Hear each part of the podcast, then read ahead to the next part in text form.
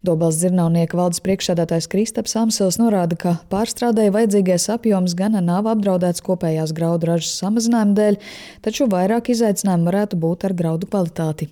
Ko mēs dzirdam no mūsu sadarbības partneriem zemniekiem, tad eh, ir lauksaimnieki, kur eh, ziemas kviešus kuģi arī 7,7,5 tonnas no hektāra, kas ir ļoti labs rādītājs. Bet eh, tajā pašā laikā atkal ir lauksaimnieki, kur tāpat kultūra tiek kulta tikai 2 un 3 tonnas no hektāra atkal, ja runājam par kviešiem, tad eh, tā kvalitātes rādītāji ir ļoti dažādi. Eh, jāsaka gan, ka lielākā daļa atbilst eh, pārtikas kvalitātei, taču arī ir jau kvieši, kurus mēs novērojam, ir zaudējuši savu kvalitāti, un tās ir vairāk, teiksim, agrās kviešu šķirnes, kuras ir cietušas no šiem ilgstošajiem lietiem, ko mēs piedzīvojām pavisam nesen. Tikmēr graudu cenu šādas lokālās stihijas neietekmēs, jo to nosaka cena biržās, kas pat laban ir stabilizējusies ap 230 eiro par graudu tonu.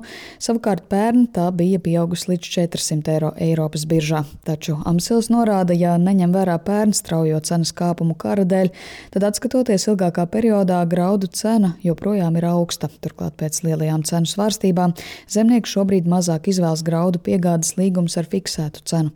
Un eh, šobrīd mēs vairāk redzam tādu nogaidošu pozīciju, ka mm, arī zemnieku piegādātāji sagaida, ka šī cena varētu pieaugt. Aizvien jāsaka, ka biržas cenas ir ļoti jūtīgas pret visiem notikumiem par un ap Melno jūru, tātad eh, pieeju Ukrainas graudiem. Tikko ir kāds eh, atkal kārtējais okupantu uzbrukums kādām no Ukrainas ostām, tā uzreiz mēs novērojam arī krasas svārstības biržā. Latvijas maiznieku biedrības vadītājs Kārlis Zemešs vērtē, ka uz maizes tirgu šīs vasaras lokālajie nelabvēlīgie laika apstākļi visticamāk būtisku iespaidu neatstās, jo no graudu cenas atkarīgās miltu cenas pat laban arī ir stabilas un zemes salīdzinot ar pērno gadu maizes tirgu, jāsaka, starp ražotājiem ir jau liela konkurence, un savukārt arī izēvielu tirgu ir, un šobrīd jau, teiksim, milti tiek piedāvāti gan Latvijā ražoti, gan Igaunijā ražoti, ja ir vēlme no Polijas ir pirkt miltus, ir piedāvājums no Ukrainas arī tā kā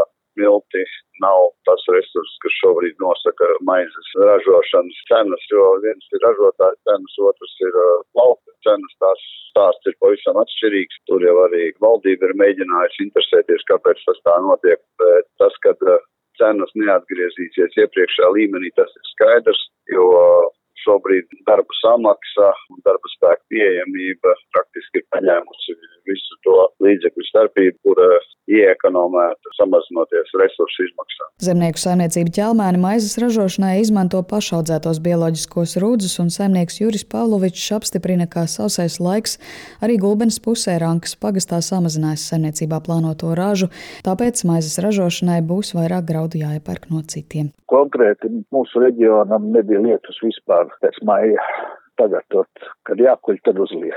Tomēr tas, kad 34 gadi strādājam šajā jomā, mēs, nu, mainījies no tiem gadiem sākumā, kā bija vasaras un rudeņi, un šis gads nav tas labākais, priekš mums, un katrā gadījumā ir viens no sliktākajiem mūsu saimniekošanas laikā labākajā gadījumā trešdaļa no plānotā nebūs. Mums katrā gadījumā graudu nepietrūks šim gadam maizē, bet problēma kā raža ir ļoti, ļoti nopietna. Runājot par šīs sezonas nozares izaicinājumiem, Dubels dzirnavnieka vadītājs Kristaps Samsels vēl apliecināja, ka šovasar notikušais ugunsgrēks uzņēmumā neietekmēs graudu pārstrādes jaudu.